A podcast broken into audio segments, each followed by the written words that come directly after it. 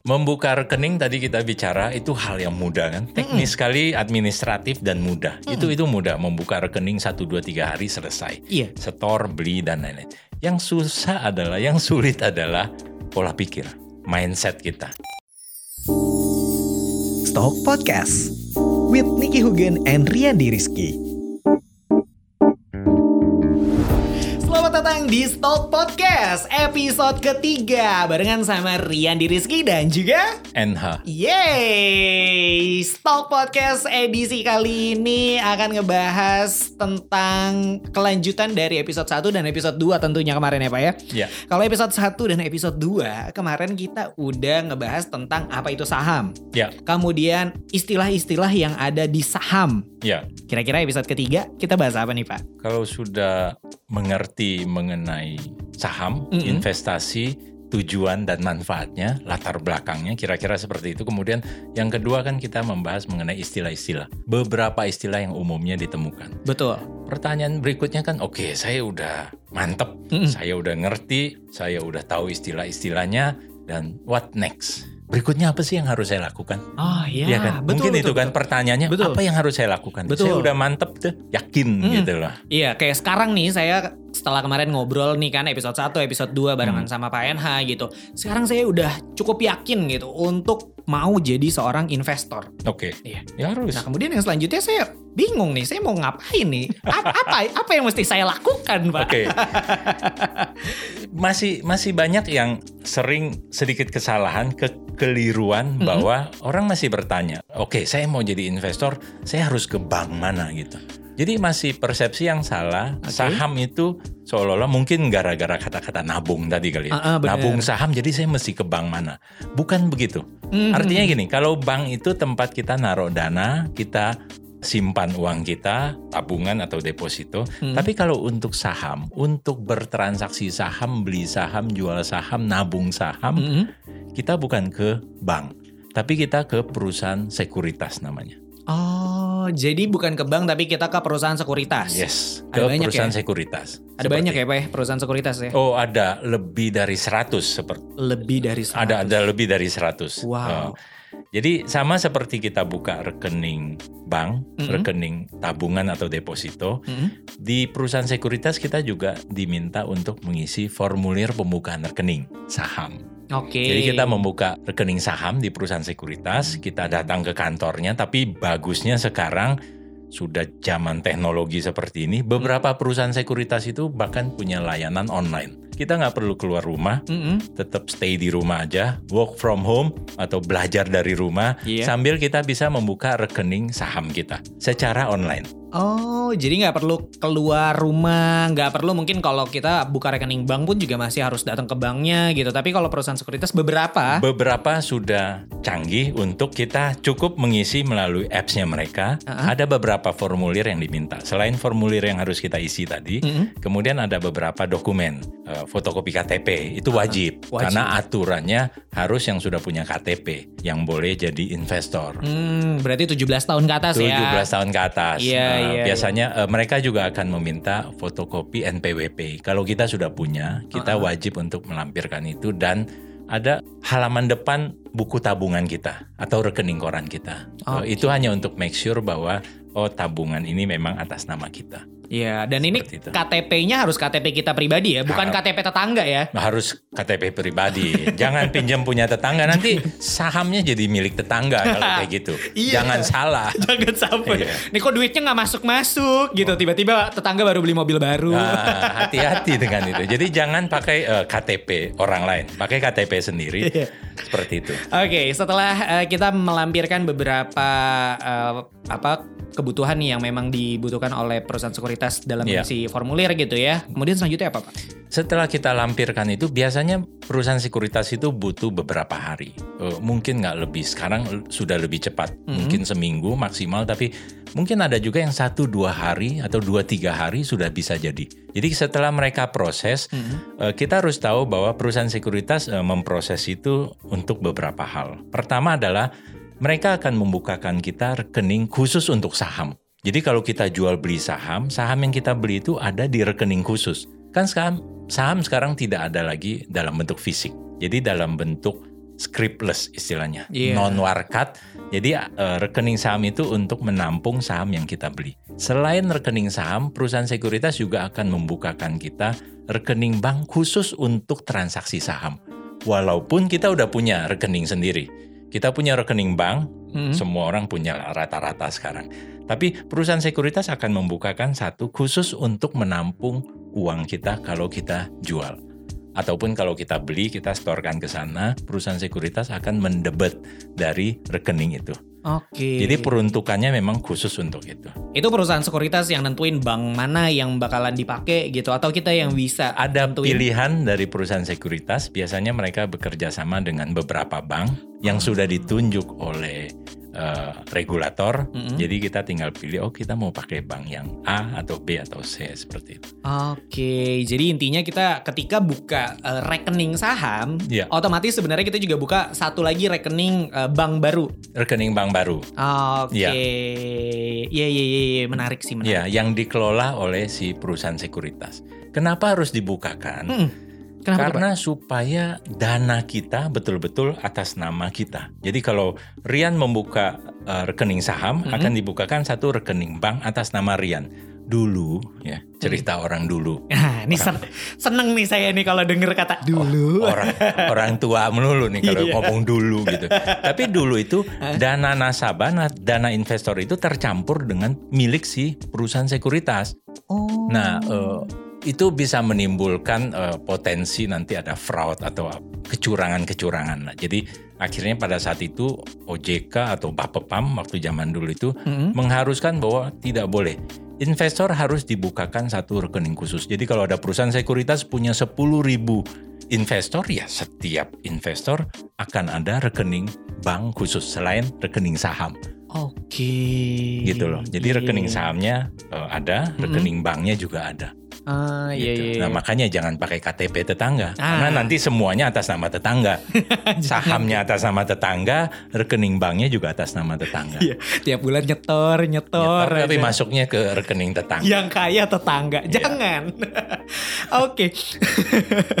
Selanjutnya nih, maksudnya ketika kita udah berhasil gitu ya membuka rekening saham, apa yang mesti dilakukan nih Pak? Setelah katakanlah dua hari, tiga hari setelah rekening kita jadi, Iya. nah, perusahaan sekuritas akan pastilah email atau memberitahukan kepada kita, Rian, Pak Rian, eh, rekeningnya sudah jadi.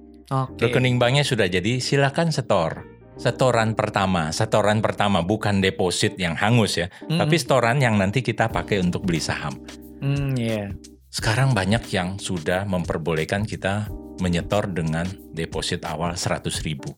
Mungkin ada yang 500 ribu, tapi banyak yang 100 ribu. Jadi kita cukup menyetor 100 ribu dan kita sudah mulai bisa membeli saham. Tapi karena setorannya 100 ribu, otomatis kita hanya bisa beli saham yang harganya maksimal 1000. Ingat satu lot itu 100 lembar. Iya.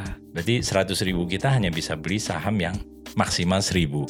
Tapi kalau kita mau, oh enggak saya mau store 500 ribu, sejuta, 2 juta, 5 juta juga boleh. Mm. Karena balik lagi bahwa dana itu akan dipakai untuk membeli saham kita.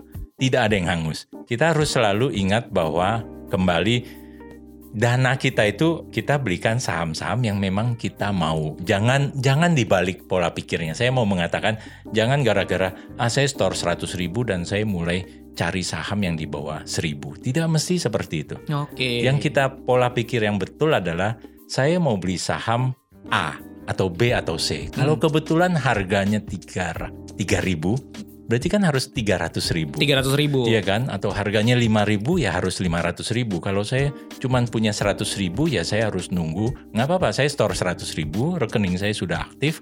Nanti tinggal tunggu gajian atau tunggu dapat honor dari mana atau jajanan dari orang tua gitu. Baru saya belikan saham inceran saya. Kan kayak gitu.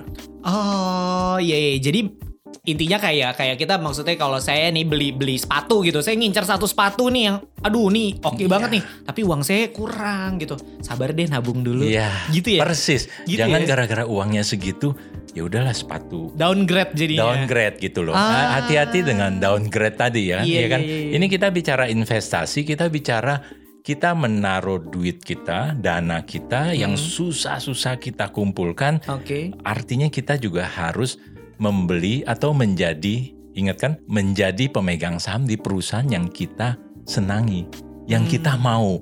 Ya. Jangan mendowngrade perusahaan yang kita mau hanya gara-gara keterbatasan dana kita.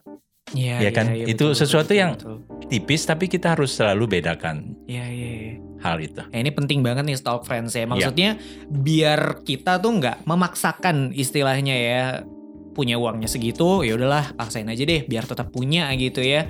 Terus ternyata malah beli saham yang gorengan. Yang gorengan apalagi. Salah satu pola pikir yang sering terjadi adalah oh, tapi Pak kalau panggilnya Pak, oke lah nggak apa-apa.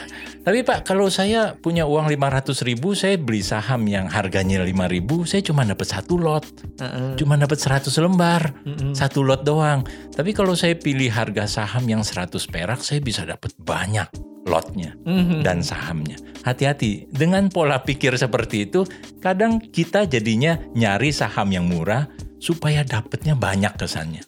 Ah, Kita iya, lupa benar, benar, benar. sekali lagi dengan tujuan awal kita. Kita lupa dengan tadi mendowngrade kita punya kemauan menjadi pemilik saham yang keren itu Mm-mm. hanya gara-gara oh kalau itu kita cuma dapat satu lot. Tapi kalau yang ini saya bisa dapat 10 lot atau s- 50 lot. Jadi akhirnya kita salah pola pikirnya. Yang dilihat itu bukan lotnya. Yang dilihat itu adalah nilai investasi kita. Rupiah total investasi kita. Tadi Iya, iya, iya. 400 ribu atau 500 ribu ya itu. Bukannya saya punya satu lot atau punya 100 lot. Bukan itu. Iya, iya benar-benar. Jadi bukan berarti punya lot banyak itu nilainya tinggi. Sama sekali bukan. Iya. Iya kan? Iya, iya, oke oke. Iya kan? Jadi Benar, ngerti benar, benar, eh, benar. dan kita tahu lah saham-saham blue chip, saham-saham yang perusahaan-perusahaan bagus itu biasanya Hmm. nilainya tinggi. Saya nggak bilang mahal, hati-hati dengan kata-kata mahal.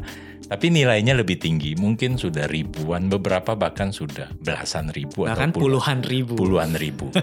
jangan gentar dengan itu, jangan Iya, gentar iya. karena harganya puluhan ribu atau belasan ribu dan ah udahlah saya cari yang harganya ratusan perak. Hati-hati dengan kepala kita yang membawa atau mengalihkan hal-hal seperti itu. Ah, itu penting tuh ya. Maksudnya kita harus tetap tahu balik lagi kayak episode 2 yang sempat kita bahas gitu ya perbedaan antara saham blue chip dan saham gorengan. Terus kerugiannya apa kalau misalkan kita ternyata beli saham yang gorengan. Iya. Gitu ya. Ya kalau kata uh, Pak Niki kemarin batuk gitu.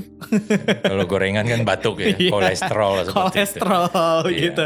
Cuma tinggal penyakitnya aja gitu ya. Pada akhirnya eh, bagaimanapun pasar dan perusahaan yang bagus, perusahaan dengan kinerja bagus, Mm-mm. orang biasa sebut blue chip, itu tidak akan berbohong. Artinya gini, maksud saya, saya mau mengatakan bahwa harga yang tercipta itu adalah harga yang wajar. Umumnya seperti itu, karena perusahaan-perusahaan bagus itu eh, harganya jadi wajar. Tapi Hmm. banyak perusahaan-perusahaan yang harganya tidak wajar dan itu sebaiknya kita hindari. Iya betul. Gitu. Dibandingkan menyesal kemudian. Betul. Wajar tidaknya dari mana? Ingat episode 2 kita sempat bahas sedikit mengenai rasio. Nanti nonton lagi di episode Iya 2. betul nonton yang belum nonton ya episode 1 yang mungkin masih belum tahu nih apa itu saham bisa nonton episode Oke. 1 episode 2 nya juga istilah-istilah saham itu udah kita bahas gitu Hmm. nah selanjutnya nih Pak kalau misalkan kita tadi balik lagi udah udah punya rekeningnya terus udah mungkin beli satu lotnya Iya. gimana cara membiasakan diri kita untuk nabung sahamnya nih karena Oke. kan mungkin ada yang punya cita-cita pengen punya 100 lot saham apa gitu atau bahkan sampai ada yang eh, campaign 1 juta lot Oke, gitu seperti bahkan itu ya. ya. maksudnya di usia berapa nanti punya 1 juta lot Uh, gitu wah itu, itu, itu luar biasa kan. Iya, betul. Semangat atau mimpi seperti itu. iya betul Semangat nabung saham itu sebenarnya bukan sesuatu yang baru. Hmm, Di di buku di luar negeri di buku itu sudah ada yang namanya istilahnya tuh dollar cost averaging. Oke Artinya kalau saya punya uang 100 ribu atau 500 ribu setiap bulan yang saya bisa sisihkan, sudah setiap bulan saya akan menabung dana saya dalam bentuk saham. Nggak mesti satu saham, bisa beberapa, atau satu saham pun nggak apa-apa. Pokoknya setiap bulan saya akan menyisihkan 500 ribu saya untuk beli saham A Mm-mm. atau saham B seperti itu. Oke. Nah, semangat itu, kemudian kedisiplinan itu dan mimpi itu yang kita lakukan. Nabung saham jadi nabung mimpi seperti itu. Tapi itu yang kita lakukan. Biasanya gini, ada satu hal yang umumnya disampaikan begini. Eh, Ada yang namanya bunga majemuk. Bunga majemuk. Oke, keajaiban dunia ke-8. Baru dengar? Baru denger sih Baru saya. dengar. Baru denger sih nih. Yang bilang bukan saya, Heeh. Albert Einstein. Oke. Bunga majemuk adalah eh, keajaiban dunia ke-8 di mana kalau kita melakukan dalam konteks kita menabung saham, membeli saham secara rutin setiap bulan seperti itu, Mm-mm. efek bunga majemuk terhadap dana kita itu akan luar biasa. Iya. Akan luar biasa efeknya di masa yang akan datang. Kita bicara mungkin nggak 5-10 tahun tapi 20-30 tahun ke depan. Saya mau mengatakan juga bahwa Warren Buffett kalau kita sebagian pernah dengar Hmm. namanya salah Iya. satu orang terkaya di dunia, Iya. dia memulai investasi di usia 11, ya kan? Dia belum punya KTP waktu itu, Oke. tapi dia sudah mulai investasi. Saya nggak tahu dia pakai rekening siapa atau rekening orang tuanya. Tapi kalau kita sekarang nggak mesti usia 11, kita usia 17, terlambat sedikit oke. 25 atau 35, nggak ada yang kata terlambat Nggak ada kata dalam terlambat. hal berinvestasi. Jadi kita lakukan sekali lagi membeli saham secara rutin, secara disiplin seperti itu. Menabung, konteksnya jangka panjang, investasi jangka panjang, konsepnya berpikir sebagai seorang pemilik perusahaan Mm-mm. dan itu yang dilakukan. Oke, itu ya maksudnya berarti harus konsisten setiap bulannya kita sisihin gitu ya. Kayak kayak jatuhnya apa ya? Kayak kita bayar kebutuhan sehari-hari aja lah gitu ya. Ya, kayak bayar cicilan Bayar gitu ya. cicilan Ini gitu bayar ya. cicilan untuk diri sendiri untuk Masa depan. masa depan. Masa Oh, depan. keren ya gitu ya. Iya, iya, iya, ya kan iya. saya membayar Iya. cicilan untuk eh, diri saya Heeh. untuk saya pakai di masa depan. Yang angkanya mungkin kalau setiap bulan 500 ribu nggak otomatis 500 ribu kali berapa bulan berapa tahun. Mm-mm. Karena tadi kalau saham itu dari waktu ke waktu naik dan lain-lain otomatis jumlah tabungan saham kita, investasi kita akan semakin besar. Semakin besar. Iya. Ada satu lagi bahwa kadang-kadang dividen, ingat dividen, Mhm. eh, pembagian keuntungan yang diberikan oleh perusahaan kepada para pemegang saham dan kita juga berhak untuk itu. Mm-mm. Kalau kita dapatkan dividen, bahkan itu lebih baik direinvestasikan. Saya dapat dividen, oke cukup untuk beli satu lot, saya belikan lagi saham yang sama. Ah, Itulah iya, namanya iya, iya. reinvestasi, itulah namanya efek bunga majemuk yang akan kita rasakan di masa tua. Iya betul betul betul betul. Ya berarti kadang kan sebenarnya ada yang bilang kalau misalkan uang dividen ya udah baru itu dipakai buat keuntungan kita ya sedikit happy happy Oh lah boleh gitu. juga, nggak apa-apa juga. apa-apa juga Namanya sih ya. anak muda, Iya. milenial. Oke dividennya saya traktir teman, Iya, traktir iya. pacar gitu. Iya. Oke aja. Iya iya. Iya Saya kan? sih udah sempat kepikiran tuh. Oke. Pakai duit dividen traktir teman-teman asik sih nih. Ah, iya. Ini duit keuntungan kemarin beli saham. Sangat bisa. Jadi bisa eh, ya bisa ya. Kenapa bisa ya? Namanya kita pemegang saham, pemilik Iya. perusahaan.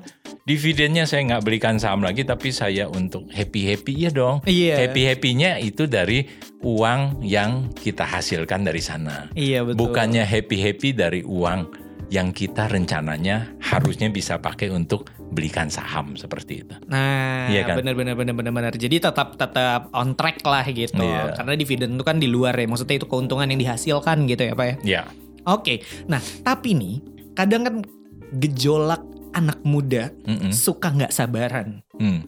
Gimana maksudnya eh, menurut Pak Niki gitu ya untuk kita bisa tetap konsisten terus nabung selama bertahun-tahun lamanya gitu.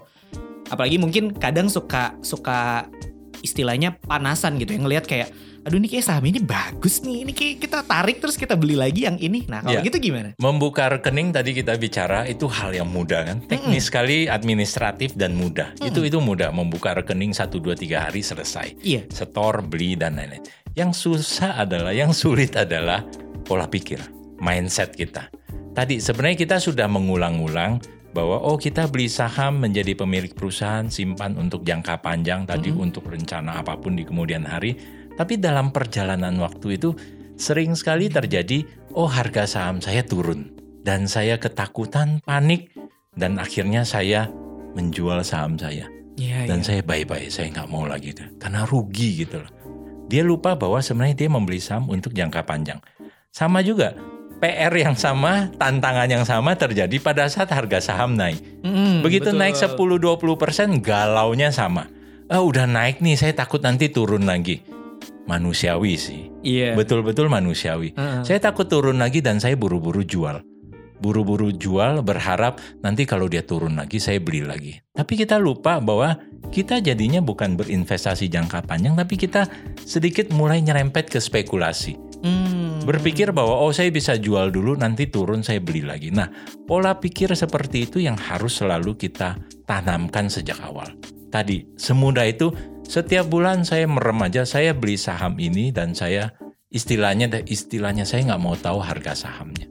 Gampangnya seperti Hmm, itu. iya iya iya. Ya, saya lupain nomor akun saya, nomor nomor untuk login beli saham atau jual saham atau atau modul jualnya saya saya delete, saya matikan kira-kira seperti itu. Tapi saya beli saham dan saya lupakan. Saya simpan karena memang saya simpan untuk jangka panjang. Iya. Dalam perjalanan waktu itu memang sangat menggoda, baik turun maupun naik. Nah, itu. Sama, dua-duanya itu menggoda kita untuk tadi di tengah jalan, oh tiba-tiba jadi mau jual dan lain-lain. Dan Iya, itu iya. sangat sering terjadi. Iya, iya, iya. Dan akhirnya mungkin jadi ngerubah kita yang tadinya mungkin niatnya untuk jadi investor tapi akhirnya tiba-tiba jadi trader. Iya, mau jadi investor kan, tapi Iya. kenapa ber- berpikir, oh saya jual dulu nanti turun saya beli lagi. Loh, itu mah trader. Pola Iya. pikirnya bukan begitu. Iya, investor itu orang yang berinvestasi untuk jangka panjang.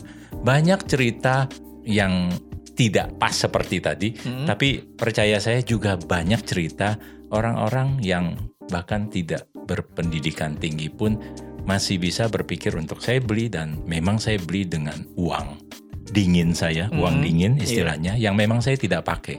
Jangan pernah membeli saham dengan uang yang akan kita pakai untuk 1 3 6 bulan ke depan. Memang uang itu saya rencanakan untuk masa yang akan datang. Jadi saya tidak pernah takut dengan gejolak pasar karena uang itu memang tidak akan digunakan dalam waktu dekat. Seperti Iya, biar nggak nyesel juga gitu ya kalau misalkan ternyata mungkin ngelihat aduh tiba-tiba turun gitu. Terus akhirnya panik sendiri gitu. Aduh ini kan uang dapur Nah, nih, itu kepake itu nih. yang salah. Iya, gitu. iya, itu iya. dari awal sudah salah. Iya, iya, iya. Iya kan? Jadi eh, kita bahas di episode sebelumnya Yep. bahwa betul-betul instrumen jangka panjang saham adalah instrumen jangka panjang. Mm-mm. Jadi pakai dana untuk jangka panjang. Iya. Karena itu sudah betul, oke dana jangka panjang, kepala kita, mindset kita, pola pikir kita juga harus jangka panjang. Sesederhana itu. Kembali sebenarnya sesederhana itu. Beli saham, simpan, diem aja, bulan depan ada duit lagi, kita belikan lagi. masukin lagi tiap bulan konsisten terus mungkin tiba-tiba nggak sadar gitu ya setelah lima tahun atau bahkan 10 tahun loh udah segini uangnya Uh, luar biasa. iya gitu Iya ya kan? Be? Atau tadi kan punya mimpi, oke saya bercita-cita mimpi saya, saya punya sejuta lembar Iya, saham ini. satu juta lembar. Oke, setiap bulan saya nyicil belinya dan lain. Itu kan hal yang luar biasa. Iya, karena dia iya, mau iya. menimbun saham itu. Nimbun saham itu boleh, nggak ditangkap sama polisi. Ah, ah. Dan itu mungkin akhirnya jadi kita ngambil kalau misalkan kita nabungnya rutin kita ngambil keuntungannya hanya dari dividen aja gitu. Tuh, kalau saham kita udah banyak dari dividen yang dibayarkan setiap tahun Mm-mm. cukup untuk kita tadi traktir-traktir atau Wah traktir atau beli-beli apa gitu kalau Iya udah kan? banyak atau ya, saking Be. ngiritnya nggak traktir atau sebagian buat traktir sebagian lagi belikan saham Bisa. lagi Beuh. Aduh, jadi makin gak sabar nih Pak buat mulai nabung saham, mulai menyisihkan setiap bulannya Iya. gitu ya. Berarti kalau misalkan sekarang tekniknya udah tahu, mindsetnya juga sekarang udah mulai kebuka nih ya, tinggal dilakuin ya Pak? langsung aja udah Langsung aja. Iya kan terlalu banyak ya, atau maksud saya kita sering mendengar hal-hal seperti ini Mm-mm. segala sesuatu itu harus kalau mau terrealisasi ya harus dimulai Dimulai kan? dulu, betul. apalagi sekarang kita bicara sekarang 100 ribu buka rekening kemudian buka rekening bisa online. Mm-mm. apa sih hal yang menyulitkan untuk kita menjadi seorang investor? Yes. online kita lakukan dari rumah bisa. 100 ribu kita sudah mulai punya rekening Mhm. aktif. Syukur-syukur bisa tambah lebih besar dan lain-lain. Jadi tidak ada hal apa pun yang menghalangi kita. Kecuali memang niatnya enggak aja gitu. Tapi kalau udah niat atau ya ya udah cuman masalah niat aja kok. Niat aja betul. Gitu. Yang penting mulai aja dulu gitu Mm-mm. ya. Kalau belajar teknik-teknik segala macam bisa sambil berjalan. dan bisa sambil dengerin Stock Podcast. Iya, saya saya percaya tiga episode Yes. pertama ini Iya. tuh, rasanya lebih dari cukup untuk meyakinkan kita Mm-mm. mengenai investasi tadi. Siap, ini saya udah yakin Pak. Jadi nanti mohon bimbingannya saya akan mulai berinvestasi. Harus. Yes. Oke, kurang lebihnya mungkin episode 3 eh, sampai di sini dulu. Terima kasih Pak NH sudah menemani kita dan tentunya nanti di episode-episode selanjutnya kita akan mulai berbincang dengan bintang tamu bintang tamu yang akan kita hadirkan ya Pak ya. Luar biasa. Luar biasa. Dan jangan lupa buat stalk friends yang mau kepoin kita, yang mau berteman gitu ya di uh, sosial media langsung aja follow Instagram kita di @stalkpodcast atau di Instagram kita berdua juga boleh banget ya Pak ya. Siap. Di mana Pak? Saya di @hoganiki. Di @hoganiki. Kalau saya di @riandrs ya.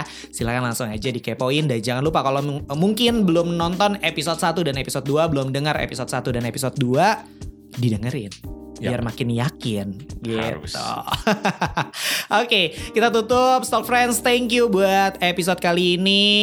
Sampai ketemu Jumat depan. Bye bye. Bye bye. Stock Podcast with Nicky Hugen and Rian Rizky.